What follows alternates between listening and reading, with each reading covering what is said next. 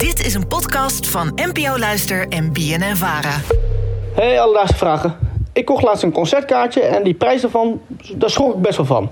Want een festivalkaartje was gewoon goedkoper dan dat ene concertkaartje. Terwijl op dat festival minstens drie topacts staan. Hoe kan dat eigenlijk? Hoe werkt dat kosten-buitenplaatje eigenlijk? Alledaagse vragen. NPO Luister.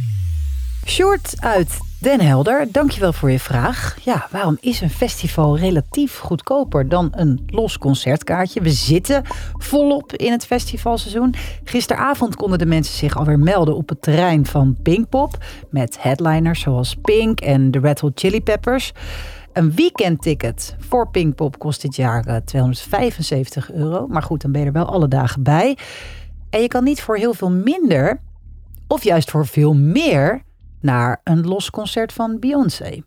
Ja, Aaron, Ja, wat is het maximale bedrag dat jij zou uitgeven voor iets of iemand waar je echt wel fan van bent? ik denk dat ik dat deze zomer heb gedaan. Ah, betrapt. Je hebt het al gedaan. Ik heb het al gedaan. Ik ben naar Bruce Springsteen geweest. Hmm, En ik was er te laat bij. dan om- ben je toch ook een boomer in een, in een jong lichaam. Maar ga door. Ik was te laat bij om meteen een kaartje te kopen.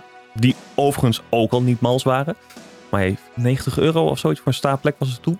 Maar goed, ik was dus te laat en ik was aangewezen op Ticketswap. En toen heb ik 143 euro betaald voor een ticket. Jezus, ja, 143 euro. En hoe lang duurt zo'n concert dan? Je gaat wel naar Bruce Springsteen, dus we hebben wel Dat begrijp ik. drie uur lang genoten. Oké, Ja, fair enough. fair enough. Alsnog best wel smakgeld. Om te ontrafelen hoe het kan dat festivals dus relatief goedkoper kunnen zijn dan een los concert, heb ik verschillende mensen in de muziek zien eh, van bijvoorbeeld Mojo benaderd.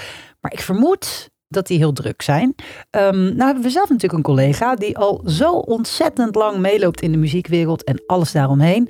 En dat is niemand minder dan Leo Blokhuis. Dus die heb ik even aan zijn eh, haren getrokken, wou ik zeggen. Nou, Maar- die heeft hij niet. Dat vind ik flauw. ja, heel flauw. Nou, eh, ik ben begonnen met de vraag: waarom zijn concertkaartjes tegenwoordig überhaupt zo rete duur? Eh, een van de belangrijke factoren dat live muziek eh, duurder is geworden, is dat het verdienmodel van artiesten heel erg veranderd is. En dat heeft te maken met de opkomst van streamingdiensten. Eh, waar een artiest vroeger veel meer verdiende aan de verkoop van platen, ja, krijgt hij nu vergoedingen voor streaming. En dat is bij heel veel artiesten is dat een heel erg laag bedrag. Live spelen is voor artiesten de belangrijkste, voor heel veel artiesten de belangrijkste bron van inkomsten geworden. En andere factoren zijn ook gewoon eh, hysterische inflatie, eh, stijging van kosten, eh, recent ook ongunstige dollarkoersen en dat soort zaken spelen ook allemaal mee. Ja, klinkt logisch. Ik bedoel, een bloemkool is tegenwoordig ook eh, onbetaalbaar door inflatie. Altijd die bloemkool maar. Eeuwige bloemkool. Ehm, maar hoe kan het dan zo zijn dat je op een festival met heel veel artiesten toch vaak goedkoper uit bent dan bij een los concert? Volgens Leo komt dat doordat de opbouw van een los concertkaartje best complex is. Het begint dan met de wens van een artiest. Die zegt bijvoorbeeld ik wil 70.000 euro verdienen.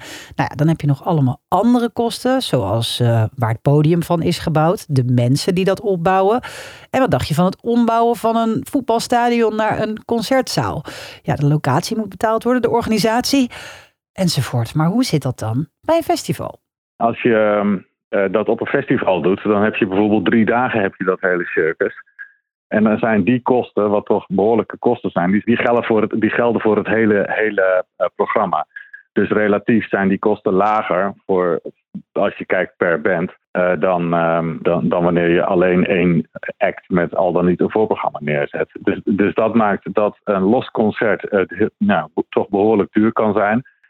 Maar ook daar is de, is de bottom line is wat, ehm, ja, wat wil een artiest verdienen met dat optreden. En nou is het bijvoorbeeld bij Pinkpop zo dat een eh, grote afsluiter, dat hij daar echt behoorlijk wat geld aan overhoudt. En dat gaat dan vaak ten koste van eh, de, de, de bands die overdag spelen, om het zo te zeggen. Je hebt altijd op een festival heb je bands waarvan de festivalorganisatie zegt zo dat we die hebben kunnen krijgen, dat is te gek. En je hebt bands die zeggen, jee, we staan op dat festival. De, die laatste categorie, ik kan je verzekeren, die bands worden daar niet rijk van. Alledaagse vragen. Aaron, we zijn er eh, nu een beetje achter hoe het zit met de kosten van zowel een concert als dus een festival. Ehm, maar rijst bij jou dan toch niet nog steeds de vraag: het is gewoon te duur? Is het niet gewoon te duur? Ik weet niet of ik het te duur vind. Weet je, wat een genuanceerd antwoord weer. ja, nee, helemaal prima.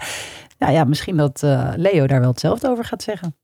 Nee, er is niet een festivalprijs. ik was eh, twee weken geleden was ik uh, bij Zevenpop in Zevenberg. En dat is een heel sympathiek festival. Spelen Nederlandse en vaak regionale bands. En dat was te gek.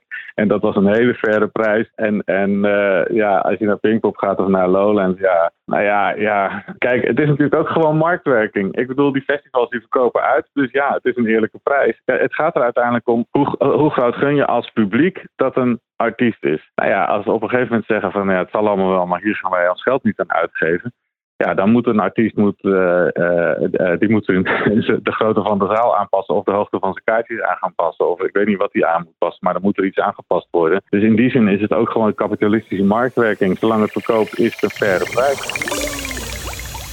Dus, Sjoerd, de kaarten van een los concert kunnen relatief duurder zijn, of lijken, omdat er voor maar één act, als je het voorprogramma vergeet, heel veel opgebouwd en omgegooid moet worden. Er moeten ook heel veel mensen betaald worden, spullen moeten betaald worden. En dat is bij een festival ook zo. Maar ja, als het eenmaal staat, dan kunnen er daarna oneindig veel acts op optreden. Terwijl je die kosten maar één keer hebt. Heb jij ook een vraag? Stuur ons dan een berichtje op Instagram. Dat kan naar Alledaagse Vragen. Maar je mag ook een mailtje sturen naar alledaagsvragen.bnnvara.nl en dan zoek het voor je uit. Alledaagse Vragen. NPO Luister. BNN Vara.